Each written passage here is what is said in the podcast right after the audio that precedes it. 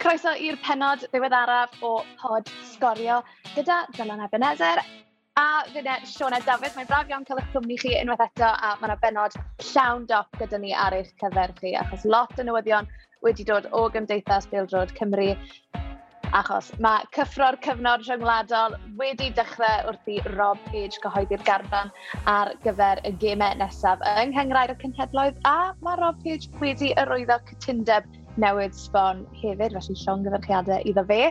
I ni hefyd yn mynd i fod yn trafod Merched Cymru ar ôl i nhw greu hanes wrth gyrraedd gemau ail gyfle Cwpan y Byd am y tro cynta eriod.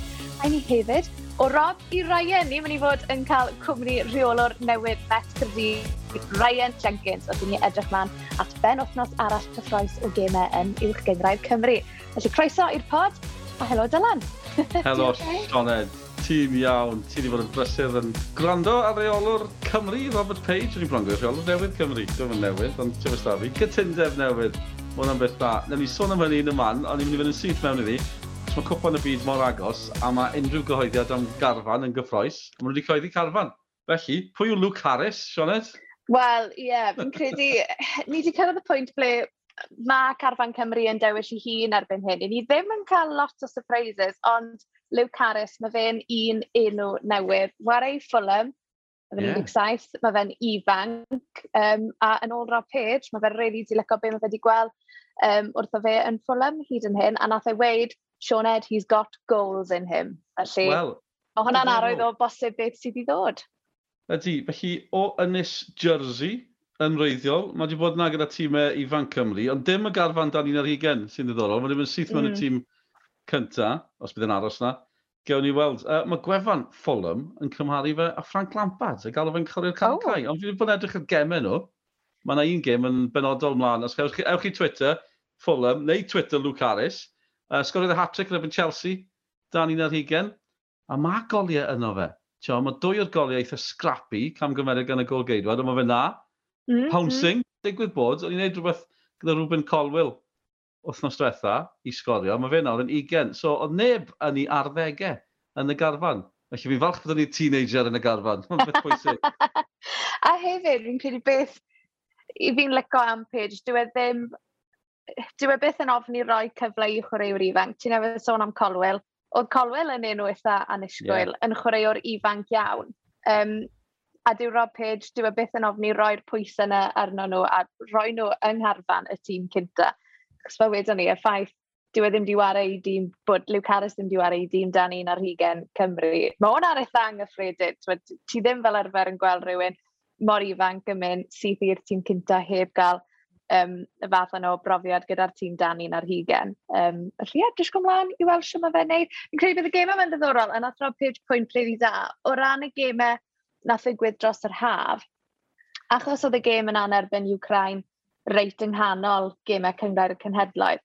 Yeah. O dewish tîm yn eitha anodd, achos tîm blad Pwyl, y gêm agoriadol yna, oedd hwnna'n hwnna dîm ifanc iawn, achos oedd e ddim moyn risgo unrhyw cyn y gêm yn erbyn Ukraine. Wedyn ar ôl gêm Ukraine, oedd anoddiadau, chwaraewyr diblino, um, felly nath hwnna ffeithio'r tîm nath ei ddewis am y, tîm, am yr gêm nesaf. Felly nath Paige Reid, tywed, o ran gemau y cynhedloedd, yn erbyn Gwlad Belg a Gwlad Pwyl sy'n dod lan, fi'n credu, bod newn ni weld y tîmau cryfa posib, achos hwn yw'r dress rehearsal ola, os ydych chi cyn i nhw fynd i Qatar. O'n i sôn am uh, trydar, neu Twitter, le ni alw fe, uh, Luke Harris, uh, ar ei wefan e. Be, be, be sy'n dal yn sylw i, mae wedi bod yn retweetio sylwebeth Nick a Marks o Euro 2016.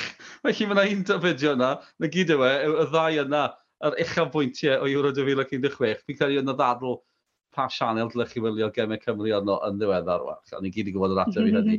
a oedd pobl yn uh, aildryd ar y garedig iawn. Ond mae fe di wneud e. Felly, uh, gwych. Sa'n grefod y siarad Cymraeg, tuff. Ond mae fe'n... Mae fe fan o'n Eca Mark, sy'n gyd sy'n bwysig. Ie, yeah, wel, pwysig ddim. Um, 26 yn mynd i gwpan y byd, 28 yn y garfan yma sydd ddim yn cynnwys Aaron Ramsey, lle mae fe'n mynd, os yw'n olliach, mm. Ari Wilson hefyd. Yeah. Mae yna bobl, fi'n gwybod, mae'n anodd, mae yna bobl yn mynd i fod yn siomedig pam ddeith yr uh, y newyddion yn bwy fydd yn mynd i gwffan y byd.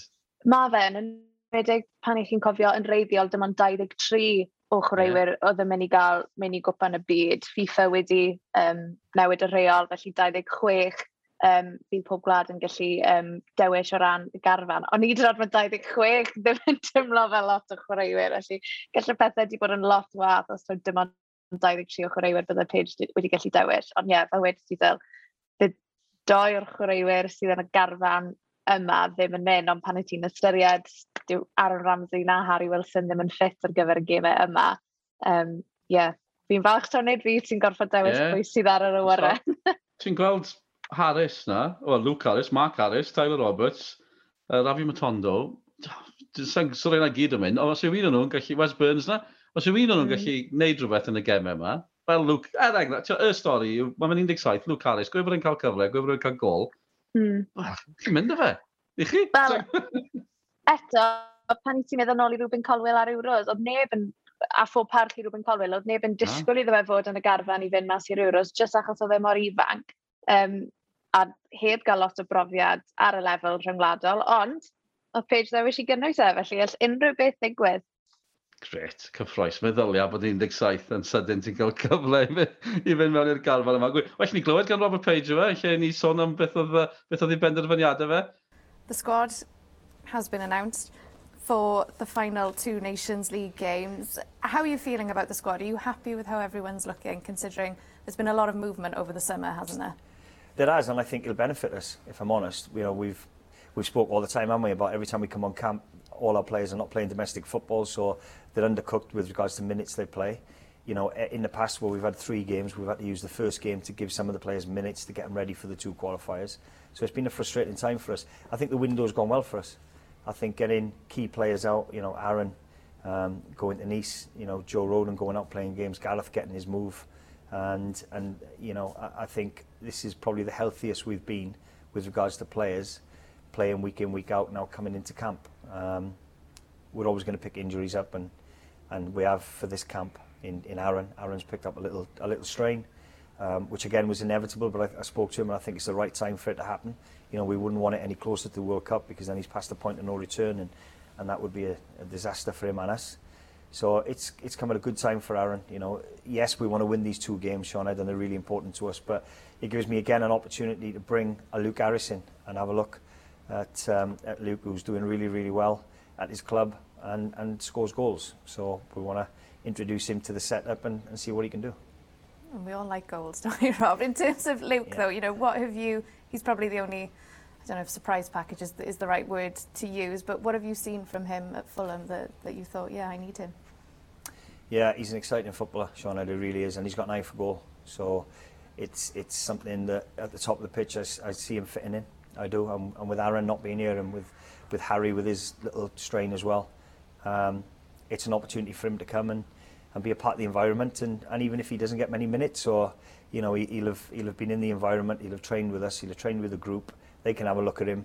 And he's an exciting prospect for the future. You mentioned Joe Roden and he was perhaps not an area of concern, but you said that you hated seeing him on the bench every week. You know, how pleased are you that he decided to make the move out to France? Yeah, he's, pr he's probably the one I'm most excited about. Um, I've worked with Joe for years, and you know, I've got a lot of time for him. I think he's a great lad first and foremost, but he's he's got everything. The boy. If if you had to describe a, a modern day centre back, he's got it. He's six foot four. He's athletic. He's quick. He's good on the ball. And I, and I pulled him on the last couple of camps that you know I, I think he can still get better. And I think to help him achieve that is going out and playing week in week out. So when he drives out with the ball, there's nothing better for me. I love watching a centre back drive out into midfield with the ball, and he does it really really well. Understandably, when he's not playing at his club, and he comes away with us, he's short of confidence with that, so we we don't see it that often. I'm hoping now that'll be a big part of his game coming on to camp. oedd hi'n braf iawn cael sgwrsio gyda Rob Page unwaith eto, a oedd pawb mewn hwyliau da iawn achos bod y cymdeithas wedi cyhoeddi bod Page wedi arwyddo cytundeb newydd bydd yn cadw fe gyda Cymru tan 2026, sef tan ar ôl cwpan y byd nesaf. Ddim bod ni'n mynd yn rhy hyderus fan hyn yng Nghymru, ond dyl newyddion gret a newyddion a cytundeb sy'n llwy'r heiddiannol. Ydy, ond mae rhaid ni gyrraedd y cystadlaethau nesaf, achos mae'r Euros nesaf yn yr Almain, ddim yn cwpan y byd nesaf yn Gogledd America. Ti'n mynd i fod yn really cool. come on. Mae rai fi wei, fi'n fan enfawr o, o Rob Page. Mae fe'n Mae fe jyst yn fwy neis, a mae fe wastad yn gweud helo, wastad yn gofyn siwr i fi. Um, o'n i'n cael cynnal jyst nawr, a nath e weid bod ges i salad, salmon salad, a nath e weid, oh, that looks nice, I might have that as well. so, mae'r boi lygo salmon yn amlwg. On, a fi'n gwybod oedd hyd i'n diwrnod mawr, achos oedd e mewn siwt. A fel arfer, mae fel, arfer, mae Rob Page wastad yn tracksuit. Um, felly yn amlwg, fe o'r iol yn aws bod 2026. Mae'r ffaith um, bod e'n gytundeb o, o bedair blynedd hefyd yn rhoi'r cyfle nawr iddo fe really dechrau cynllunio ar gyfer ar y dyfodol. A un peth nes i feddwl amdano, 2026, fi'n gwybod nath Bill weid bod e yn meddwl am gwpan y byd 2026, ond o bosib, Page fydd y rheolwr, fydd yn gorfod delio gyda bywyd ar ôl Bale, ar ôl Ramsey, a nath ei weid bod e just mor mor gyffroes yn edrych ar y crop o chwaraewyr ifanc sy'n dod trwyddo, fel rhywun fel Liw Caris. Yeah. Um, felly ti'n cael y syniad nawr, um, sefydlogrwydd, ond hefyd bod nhw wir yn dechrau edrych i'r dyfodol, achos fel i ni'n gwybod, ni gyd yn caru nhw, ond dyw Ramsey a Bils, maen nhw'n mynd i bod yma am beth, am beth. Um, felly, ie, yeah, gawn ni weld. Paid. A Joe Allen, paid. Dim set o fi nawr. Sorry, Dyl. um, nath e sôn am Michael Sheen gyda llaw, yr araith yma. O Michael Sheen yn dweud ar y Nath e hyd yn oed dweud y linell, give them some sugar, boys. Be mae hwnna'n golygu? Yes, like, like, clearly bod neb yn gwybod. Ond i gyd yn Well, sugar. Mae'r frawddeg, um, mae'r ma darn yma fe'n sôn am um, Rob's Page, tiod, yeah, oh. Right history. Oh, bobl. A mae'r frawddeg Sons of Speed. Sons of Speed. Fi rili... Llorio fi. Bydd e'n oh, gwybod y byd, bydd e'n cytan, a rhaid bod yr gyfreithas Beldrod yn mynd lusgo fe mas na. Wel, sa'n siŵr os oedd e'n bod yn serius neu fel nath Rob Page dweud, he's coming with me to the first game at the World Cup. Sa'n gwybod os oedd e'n wain ni gyd lan, ond gen i weld. So rhwng Michael Sheen a David Ewan, gyda oh. bus yn llawn.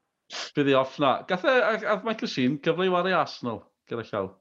Top stat o Michael, oedd e'n dipyn o Bill Droidiwr. Yn, uh, achos yn uh, cwpan y byd y digartre, mae wedi bod yn flaen llew iawn ar yeah, yeah. sefydlu a datblygu'r gystadleuaeth na. Ni swn i holi fe, ar sgorio, digwydd bod, a o'n i'n holi os oedd yn Bill Droidiwr. Dath hyn i gyd mas, oedd e'n lywydd, anrydeddus, Port Talbot, a nath e wedi, oedd wedi cael treialon da Arsenal, gath e gynnig cytundeb, ond oedd e'n uh, ddim eisiau mynd i London. Oedd e ddim eisiau mynd i London ar y pryd a actio'n ddiddordeb ddo fe. A ffen o reit, nod fe'n y pen draw. Gwrthod Arsenal, fi methu credu na. Um, Robert Page, ddech chi'n wedi gweld Robert Page yn sôn am y cytundeb felly? Four years is quite a big deal towards the next World Cup. Having that trust and that belief from the FAW, that must mean an awful lot to you. Yeah, of course. Yeah, you, you want the you want the backing of your uh, of your bosses, and uh, and they've shown that in a four-year contract. So yeah, I think I've I've been you know four or five years, and, and they've seen what I'm all about. They see how I work. Um, even in my short time since I've been up with the, the first team, they know what I'm all about. And uh, and to get rewarded with that is, is great, you know. And, and I've had some lovely messages from the players as well, which which means a lot to me. So, yeah, it's exciting going into the World Cup, but beyond that now as well, we can we can plan. I know some of the younger players from the, the intermediate age groups that I've worked with in the past, and yeah, hopefully excite, more exciting times to come. Over the past few years, you've been able to carve not only the team but your backroom staff as well to be yeah. the team that you really want? Yeah, I mean, you know, fundamentally we've we've had the great same group of staff from a medical point of view, especially from 2016 when, when Chris was manager. Um, they know the players inside out. They know what the culture is all about. So that's really important to us. Our leveler for Wales is our culture, what that changing room is all about. Um, we've had to, we've had to make some changes along the way with with Albert, who who was uh, fully committed now to Arsenal and, and has been there now. And that gave me an opportunity to bring my own coach in or coaches in, in, in Kit, who was part of Chris's success in 2016. Um, it was really important to me to have that link with the players and, and how he is with the players on the grass is, is superb. And then Alan Nill, who I, who I saw work for Sheffield United in, in the Premiership and was exceptional. You know, how they played in the Premiership in their first season was out of this world and, and played a certain way that, that I wanted to, I could see our players playing with the three at the back, and, and it gives you it gives you an extra forward on the pitch. I read a really lovely thing that said if some if a manager was to embody Wales as a country, it would be you. And when you walk through that door as a part of you know the backroom staff of the first team, did you ever think that you'd be the man stood at the side of that pitch at the FIFA World Cup? No, no, not at all, not at all. you know, I, I was just happy that Ryan gave me that opportunity to step up as assistant and uh, and and even to walk out on the pitch with Gareth and Aaron and, and Joe and, and Ben and, and Big Wayne and you know it was it was incredible. You know, I'm a supporter myself, so for me, I've watched these players, you know, uh, play in the Premiership, the Liga, and, and and I'm a fan of them myself. So to be a part of that was was very special for me. Robert Page, rheolwr Cymru, yn paratoi ar gyfer cwpan y byd. Dim fe yw'r unig un sy'n uh, breuddwydio am Cwpan y byd. Mae Gemma Granger yn merched hefyd. Mae'n wedi cyrraedd y gemael gyfle. Sean Ed, um, nawr daflu hospital pass enfawr i ti nawr. Ti'n mynd sbonio'r gemael gyfle? Oh. Ni'n clywed Bosnia gatre, fi'n deall hynny. Wedyn, mae'n mynd bach yn blyslyd yma.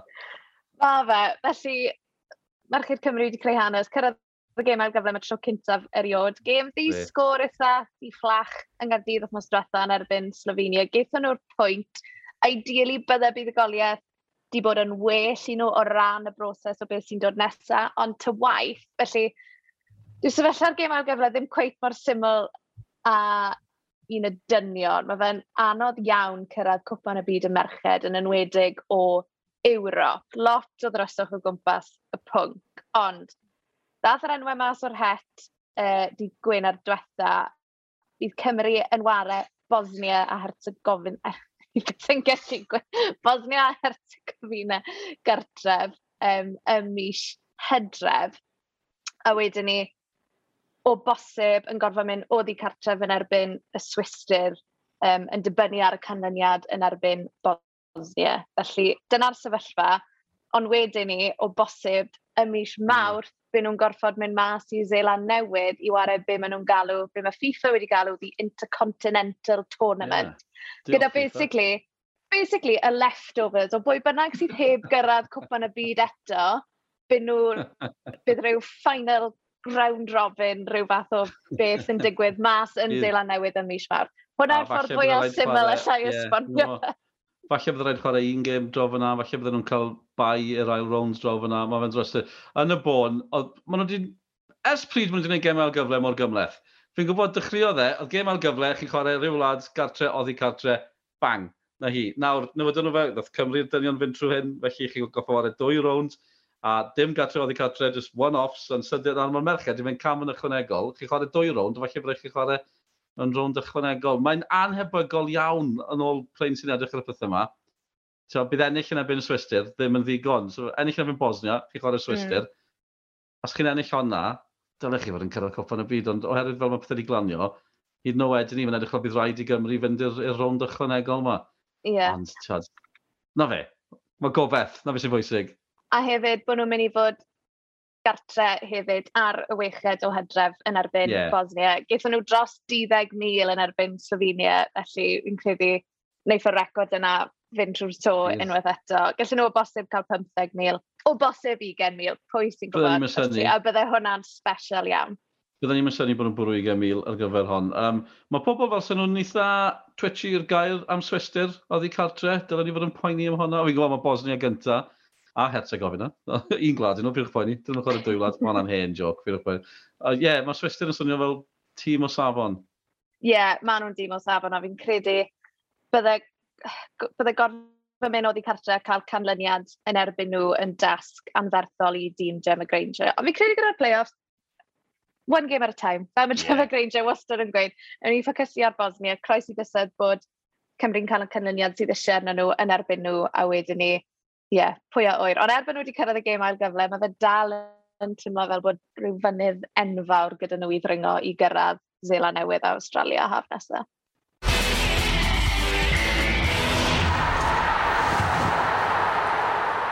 Ond ni wedi bod yn trafod y rhyngwladol, dewch i ni edrych ar yr hyn sy'n digwydd yn Uwch Ynghyr Cymru JD nesa, hoi penwthnos diwetha yn amlwg y gemau gyd wedi cael ei gyrrio ar bob lefel yn dilyn marwolaeth y Frenhines Elizabeth. Maen nhw'n ôl penwthnos yma. Ni'n mynd i gael gair da un o'r rheolwyr newydd y gyngred. Dyw na yn helpu ni lot tymor yma, Sioned, na'n gyfer, e? pan chi'n un o'r rheolwyr newydd y gyngred. Mae tipyn ohonyn nhw, ond Ryan Jenkins sy'n gyda ni, y gŵr yng ngofal Met Caerdydd erbyn hyn. Croeso at ni, Ryan, gret gweld ti. O, diolch yn fawr. Nes ti e, ddewis haf prysur o ran newidiadau, o ran rheolwyr, gymaint wedi newid, ond uh, Ais, fi'n gwybod, oedd e'n gymaint o newid o hynny yn Met, fi'n gwybod Christine Edwards wedi bod yna am flynyddoedd, ond uh, ti wedi bod yna hefyd? Oedd hi'n hawl setlo mewn? Uh, digon roedd oedd, um, tywod, ni wedi cael y cynllun mae'r sawl blwyddyn, really. Um, fi a Christine Wood trafod ers sort of, rhyw saith mlynedd erbyn nawr, falle wyth. Um, just gorffen off gyrfa yn warau a dod mewn i, i hyfforddi gyda fe, a wedyn dechrau cynllunio ar gyfer y dyfodol um, dros y blynyddoedd diwetha. Ac um, i fod yn deg, allai ddim gofyn am fentwr gwell. Um, na rhywun sydd yn, yn, yn fodlon buddsoddi'n amser um, yn, yn ddyfu a'r tîm. Um, ni'n siarad rhyw 2, 3, 4, weithiau mwy o weithiau pob dydd ac um, dyma mae wastad yn procio, profocio, gofyn cwestiynau a wario e sort of a devil's advocate na trwy'r amser. So, mae'n ffodus iawn i cael y fath yna o gefnogaeth ac um, dyfod, mae wedi yn sicr helpu fi i setlo mewn Ryan, o'n i'n mynd i ofyn, so ti newydd sôn bod ti a Christian yn siarad yn ymlaen, achos mae fe'n her a hanner i lenwi sgidiau rhywun fel Christian Edwards, o di bod na am siwgwment o amser a di cael siwgwment o lwyddiant gyda'r clwb, ond fel ti newydd sôn, chi dal yn agos, a mae fe siwr o fod yn handi jyst cael rhywun fel a ti'n gallu codi'r ffôn os ti'n mynd bach yn stressed. Yn sicr, ti'n modd, ac um, wrth edrych ymlaen at y, y sort of y gêm yma yn erbyn TNS, ni'n trafod tactegau e, mae fe wedi bod i watcho sawl gêm yn nhw wedi wario uh, ac wneud yr un peth gyda tîm o dderill. So mae'n handi iawn i cael fel, be ni'n galw, fel yr insight a, a fath o um, a sort of a tactegau e ti'n ôl i be bys y fe'n neud a wedyn mae ma syniadau gen i'n hunain i ddatblygu a dwi ddim moyn sort of dadbwyllio'r un o, o bell ffordd, ond mae wastad yn gofyn y cwestiynau, wel beth os mae hynny'n digwydd neu hyn y llall. Um, ac um, dyna beth sy'n lwcus gen i, i gael yw'r sort of a, dyn ni'n gael yn sounding board, really, a rhywun sy'n mhm. gallu mm just yn herio ambell waith. Ie, yeah, a seintiau newydd, gan bod ti wedi sôn am honna, mae'n trad top of the table clash yn sydyn ar ddechrau'r y tymor yma. Yw yn uh, Mae'n oherwydd i fi'n glod, ti'n newydd o ran y reolwr, ti wedi bod i fyny'n erbyn nhw gymaint o weithiau. Ewen, ewen wahanol i herio tîm eraill yn y gyngred? Odyn, wrth gwrs, mae siwr gymaint o quality dyn nhw reit trwy'r tîm, a tymod, maen nhw'n gryf fel garfan hefyd ac uh, y ffaith bod nhw'n llawn amser, maen rhoi cyfle iddyn nhw i, i wella yn ddyddiol lle mae rhan fwy ohono ni, ond gyda'r adegau sort of, unwaith dwywaith yr wythnos i, i allu wneud ni. Um, ac yn sicr, y chwaraewyr maen nhw wedi dod mewn yn, yn hwyr yn y, yn y, sort of, uh, yn y ffenestr diwetha, um, mynd i profi'n anodd ac yn her i ni.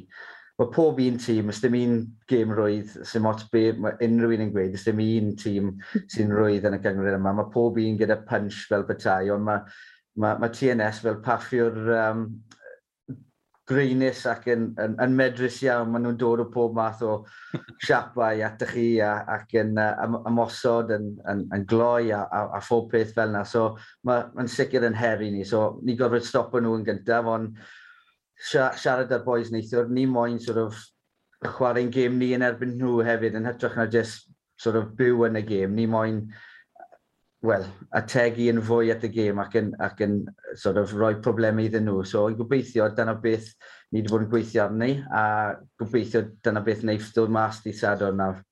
Neu chi'n llawn amser yn ôl hyfforddwyr eraill y gyngrair, maen nhw gyd yn gweud yr un ceiriau. A, maen nhw, maen nhw, maen nhw, yn gyntaf, maen nhw'n gweud, o, maen nhw'n fyfyrwyr, sy'n nonsens efo'n hyn, cysylltiad i'n ecar. Maen nhw'n gweud, o, maen nhw'n ymarfer bob dydd, ni'n gwybod bod nhw, maen nhw fel seintiau newydd. Mae'n rhaid bod ti wedi clywed hwnna dro ar ôl tro dros y blynyddoedd. Sawl gwaith, sawl gwaith. A mae hwnna'n ffain sôn yn bod yn fi neu neb arall o gwbl. Mae pawb gallu siarad. a ein job ni yw edrych ar ôl ni'n hunain. Tywod, wel, a ffaith bod fi'n eistedd fan hyn yn, yn swyddfa ysgol yn, yn profi ni ddim yn, llawn amser o bell ffordd, tymod. So, um, mae job a hanner dy fi yn yr ysgol fan hyn, a wedyn mae, mae job dy fi edrych ar ôl 25 o foes a, a staff uh, hefyd. So, maen nhw'n feibion i fi nawr, mae dwy o ferched dy fi gatre, a mae'r ma boys hefyd yn fel meibion i fi, so yn lwcus iawn. Pwy, uh, pwy sy'n wath? Pwy sy'n wath? Y chwaraewyr, y disgyblion, nid y blantyn? uh, maen nhw'r un mor wael a'i gilydd, uh, dibynnu ar, ar pwy ddiwrnod, really. Mae'r merched yn heriol yn y tŷ, ambell waith, ond um, na, tad, mae rhaid mwynhau a, a edrych ymlaen at y profiadau yma. Os dim pwynt wneud e os chi'n mynd i teimlo'r straen.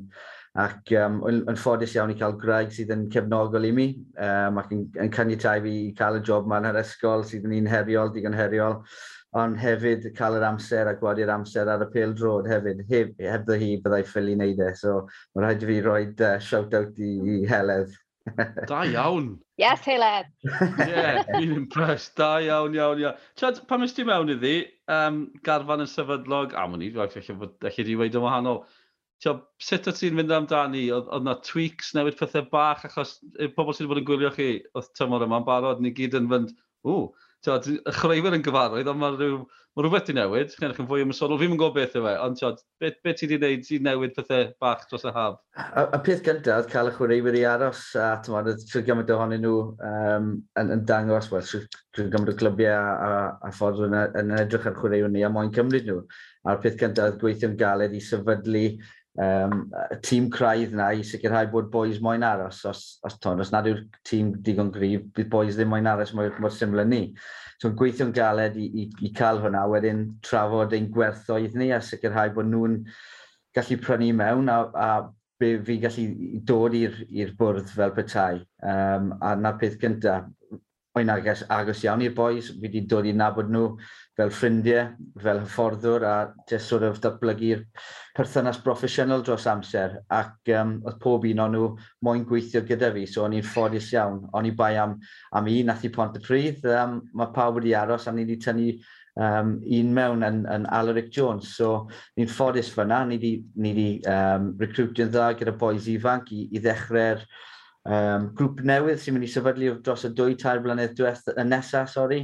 A uh, boes ifanc, deun am mlwydd oed. So, um, dyna'r job. A ddim jyst edrych ar y tymor yma, ond hefyd at yr hir dymor o beth ni'n mynd i wneud i, i sicrhau bod gwelliant um, yn y tîm. Achos y criw o foes nawr gethon ni i, i fynd i'r Ewrop, oedd hwnna'n one-off. Tymor y fath o boes, Joel Edwards, Dylan Rees, gyd gyda gilydd, Will Fuller, Bradley Woolridge, oedd e'n one-off a job fi yw trial ail greu hwnna nawr, achos mae, mae rhan fwyaf o boys na wedi symud ymlaen. Um, ond mae, mae, mae cnywallu'n arbennig o dda dyn ni yn, yn pobl fel, fel Emlyn, um, mae dyn ni Alex Lang sy'n bod yn ni ysbel, Cael McCarthy Elliot.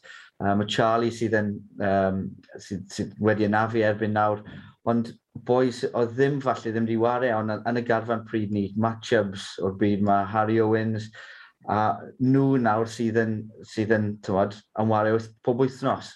A'r job yw i sicrhau bod y tîm na mor grifag sy'n bosib a dyblygu ein personoliaeth yn hunain, fel sonis di Dylan, tymod, ac um, esblygu hefyd fel tîm, achos mae pawb yn nabod ni fel tîm sydd yn sy'n gweithio'n galed ac yn ffit, a i ni, it's a given, dyna beth sydd angen i ni wneud, ond hefyd sut allan ni um, esblygu i fod yn tîm creadigol a mae yna ffordd o, o, o ware sydd yn, sydd yn bwysig i fi. Yn amlwg oedd Christian yn, yn amddiffynwr, yn un amysodwr, so yn naturiol mae'n mynd i fod yn um, tîm sydd yn bach we, um, ymysodol. Ond y balans sydd yn bwysig a, a hynny sydd yn bwysig i fi weithio gyda Christian a, a, a'r staff. So Elliot Evans fel isafforddwr sydd â fi a fi dod â Craig Hanford i mewn um, Craig sydd gyda nifer fawr o, o gemau yn y, yn y yn y gyngryd yma. Ie, Um, yeah, rhywun... profiad hwnna, Ie, yeah, ddim, ddim y reidrwydd yn ffrind agos i fi, ond rhywun sydd digon agos, o'n i gallu ymddiried yno, ond rhywun sydd hefyd yn gallu herio fi. So, dyna beth sydd yn bwysig oedd cael y, um, y mix fyna fel bethau, a dechrau datblygu ac esblygu'r diwylliant oedd dyn ni, Dan Christian, um, dros y blynyddoedd diwetha, a diwylliant sydd yn bwysig i ni yn y clwb. Achos, mae'n siŵr, mae, mae nifer o boes ni'n gallu fynd i glybu eraill ennill, lot fawr o arian ac ati, ond y diwylliant yma a'r teimlad o, o perthyn yn y bôn boes sy'n tywed, ffrindiau gorau yn wario pel drod sy'n wario ar ddisadwn ac yn teithio ledled Cymru ac i fi, dys dim byd gwell, dys dim byd bys ni moyn wneud ar ddisadwn yn well. Um, ges, i, ges i siopa falle gyda teulu ar penwythnos, never again. Tymod, mae well da fi fod yn y pil drod. A mae Heledd yn, yn, yn digon fodlon i, i gytuno i hynny hefyd. Felly, um, na, dim byd fwy pyr na wad y pil droed gyda mates, tymod, a e, os chi gallu gwneud yng Nghywch Gyngor Cymru, lle mae nifer fawr o bobl moyn wneud, a trwy'r gwell ar cyngor hefyd, wel, o'i wrth y modd. Ti'n newid sôn fyna am war am yn stael mwy ymysodol, a fi'n credu rhaid ni gyfadda, ar ôl i chi golli Adam Rosgrow, yn credu lot o bobl yn credu, wel, o ble mae'r goliau mynd i ddod tybor yma, ond sneb di sgorio mwy o goliau na chi. Chi di sgorio 11 o goliau. Mm-hmm. a mae rai ni sôn am Sam Jones, prif sgorio'r gyngrair ar hyn o bryd. Mae fe di sgorio 6, 6 neu saith tymor yma. Ie, ie. O'ch chi'n disgwyl iddo fe ddechrau'r tymor mor dda? Um, oedd hen ddigon y talent gyda Sam, a just ffindo rhywle i fyw wario, a wario yn, yn aml ac yn dechrau deall y gêm o'r sefyllfa a wneud um, o, o, o ble oedd yn wario, mod, fel, fel naw, a o'n gweld e fel rhywun sy'n gallu wario naw, rhywun sy'n gallu rhoi amddiffynwyr dan lot o bwysau pan, pan maen nhw gyda'r bil, rhywun sy'n gallu gwneud rydiadau mewn i'r bocs, sy'n dda yn yr awyr gyda llaw, ac um, tymod, rhywun sydd, sydd yn gloi. So, mae fe wedi bod yn absolutely ffantastig a rhywun sydd wedi bod yn wario rhwng y sticks fel petai ni'n ni, gweud. Ac uh, os chi o, o, o fewn y sticks pan mae'r bil yn dod yn y bocs, mae cyfle ydych chi. Mae rhaid i fi weid hefyd, mae Lewis Rhys wedi bod yn gweithio flat out a i, i ni gael e o, o TNS a rhywun sydd gyda ni nawr dros y tair blynedd nesaf. Um, mae hwnna'n briliant hefyd, felly um, yeah, ni'n ffodus iawn, ond mae Sam yn sgorio, ond mae'r ma, tîm sydd yn sgorio, a dyna beth sy'n bwysig, a fysa fe yn, yn hapus gyda hynny hefyd. Mae pethau mor bositif. Fi ddim eisiau... Oh, na, fi ddim, fi ddim eisiau sôn am y gêm yng Nghanarfon. Fi'n mynd i sôn. Typical o bobl fel ni. Ni'n ni dal ar un peth negyddol. Tiod, fain isoch chi ddysgu be, be ddigwyddodd, fain o sioc oedd eich pethau mynd mor ddan. Sydyn, chi'n mynd lan fyna, a, a chi'n cael crasfa yn y bôn yn byd yeah. byd. Fain o sioc oedd hwnna, a fain chi wedi dysgu o hwnna am ni dysgu llawer yn credu oedd y siap bach yn agored ar, um, ar y sort of negative transitions ydyn ni ac um, just couple of tweaks yn fynd mewn i'r gêm nesaf a dyna beth uh, wnaethon ni gweithio arni. Um, camgymeriadau, os ni'n edrych ar y, ar y well, pedwar o'r pimp gol, maen nhw i gyd gallu stopo i cael ei ildio tymod, o, o, um, o, o'n safbwynt ni.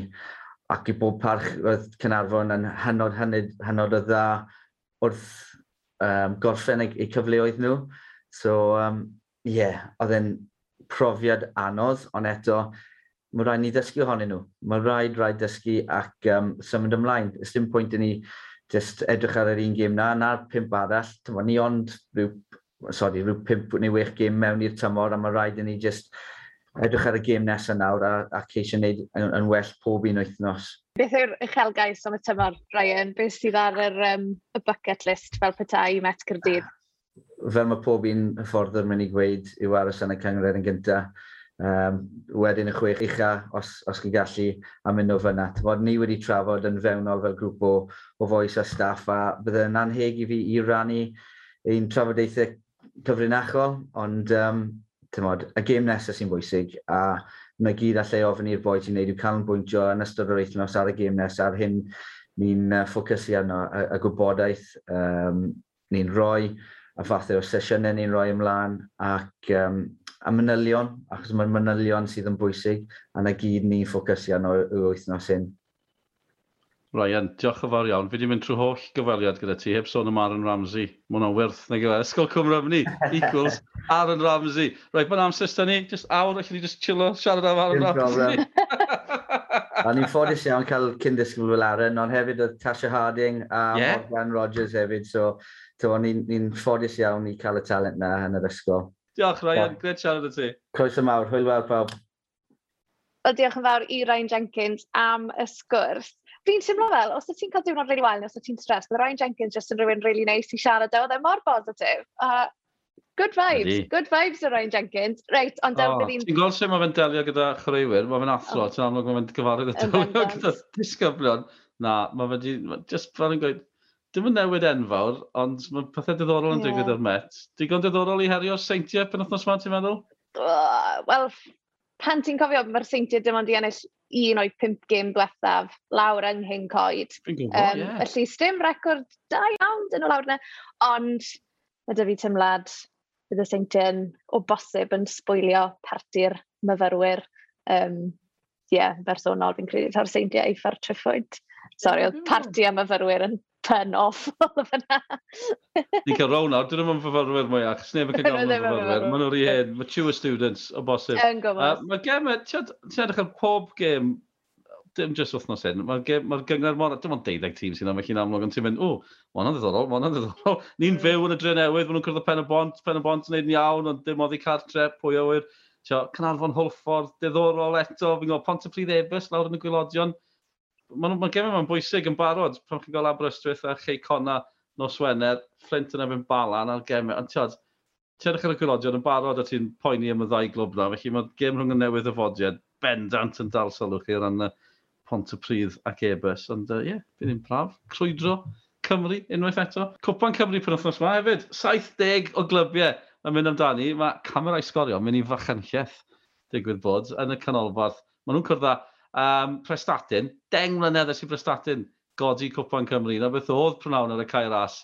Felly ie, yeah, os chi'n uh, yr ardal neu yn y gym, cewch chi wedi helo, un camera, dwi'n wafio fan hyn, chi'n methu gweld hynny, fi jyst yn wafio ar y sianed ar y Zoom yma. Helo, helo, helo.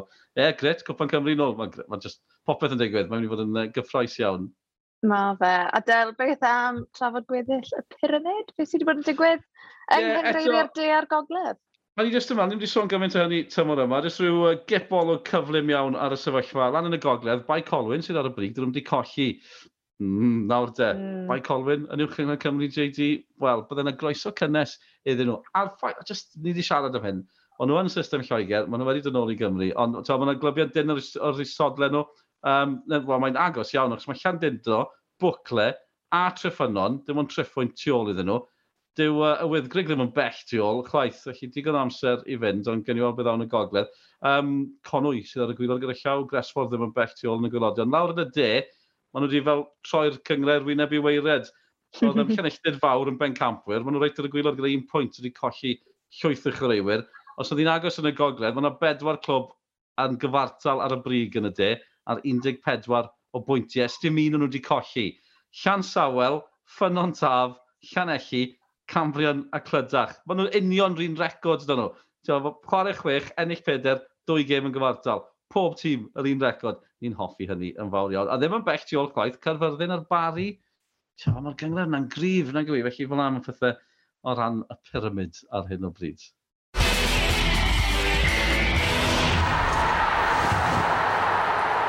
dyna ni pod arall o Podgorio wedi dod i ben. Cofiwch am ein gêm fyw rhwng y dre newydd a Pen nos Sadwr yn fyw am 5 o'r gloch ar S4C. Eitha lot o hanes rhwng y ddau glwb yma, felly gêm a hanner o'n blaenau ni fi'n siŵr. Ni'n mynd i fod nôl ar y pod mewn pethefnos. Cofiwch rannu'r pod ar y cyfryngau cymdeithasol, tanysgrifiwch, and all that jazz. Gallen ni ddim drawn na well yn un. Diolch yn rando, ond i chi cyfo hir. Ta-ra!